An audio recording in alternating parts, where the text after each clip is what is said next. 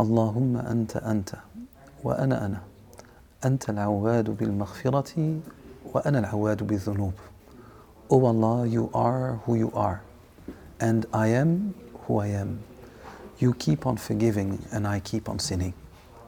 Behind this supplication is a very beautiful story.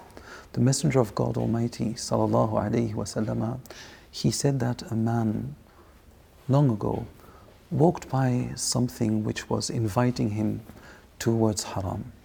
And instead of immediately going towards the haram or trying to fight it himself, he directed himself to Allah subhanahu wa ta'ala. And he said this amazing thing where we find the reality of the divine on the one hand and the reality of humankind on the other, where we see that the divine is perfect and we are not, that the divine is strong and we are weak, that he is the guide and we are those who have to be guided, and that we cannot do it on our own. So the Messenger وسلم, said, when this man saw haram, then he directed himself to Allah Jalla wa ala, and he said this supplication that was approved by the Messenger of Allah وسلم, where he started, O Allah, you are who you are. And when he said, You are who you are, he also affirmed that he was who he was and that Allah keeps on forgiving although we keep on sinning. And this is exactly what we need to know. A lot of people drown in despair whenever they sin, while Allah Jalla wa is there for the brokenhearted.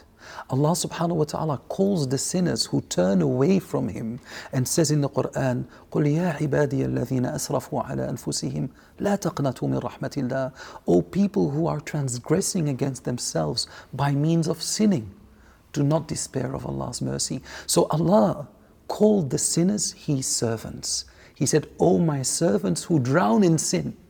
This means that even when you have given up on yourself, Allah hasn't given up on you.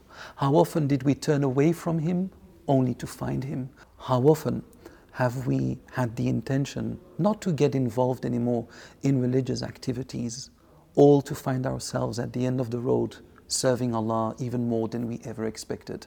When Allah wants you, you can't escape. And if He doesn't want you, you can't come near to Him. So the essence is that Allah keeps on forgiving, although that we keep on sinning. Allah is your, figuratively speaking, your rock in a world of quicksand. Whenever you drown, He's there. You just have to reach out that hand and then you will find Him helping you. So don't give up on yourself and know Failing is not about falling.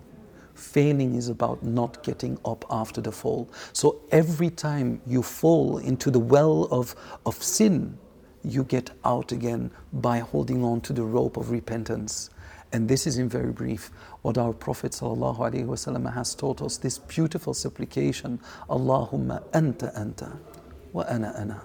أنت العواد بالمغفرة وأنا Al-Awadu bi-dhunub. Oh Allah, you are who you are, and I am who I am. You keep on forgiving, and I keep on sinning.